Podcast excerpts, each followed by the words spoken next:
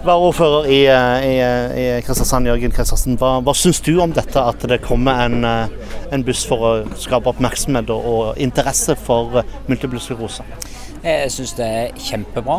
Eh, og så har jeg lært nå at dette er en buss som ikke bare er i Kristiansand og i Norge, men også andre deler av Europa. Det er utrolig bra, for dette er en sykdom som er lumsk, og som veldig mange mennesker eh, dessverre opplever. Og, og bare i Kristiansand så er det fort en sånn 20-25 i året som får denne sykdommen.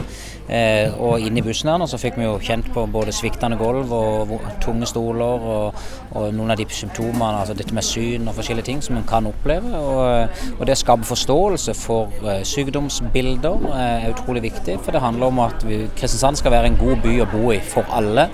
Uh, og Da handler det også mange ganger om kunnskap og forståelse for de ulike utfordringene som mange av våre innbyggere møter.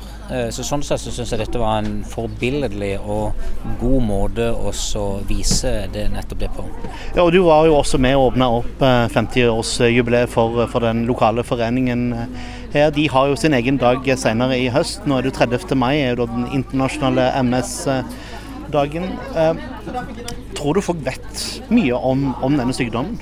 Nei, tvert imot så tror jeg både denne sykdommen og andre sykdommer så tror jeg det er lite kunnskap der ute. Eh, og, nettopp derfor er det utrolig bra at, eh, at det er sånne tiltak som dette. Det er eh, sånn som dette veldig lett tilgjengelig på Torvet midt i Kristiansand. Folk kommer forbi, folk kan komme innom nysgjerrig. Oi, hva er dette for noe? La oss gå inn og se hva det er. Og så, og så får de med seg kanskje en kopp kaffe, men også noe viktig kunnskap om, om sykdommen. Mm. Hva var din kjennskap til, til MS, bortsett fra åpningen for, for noen års tid siden om sykdommen?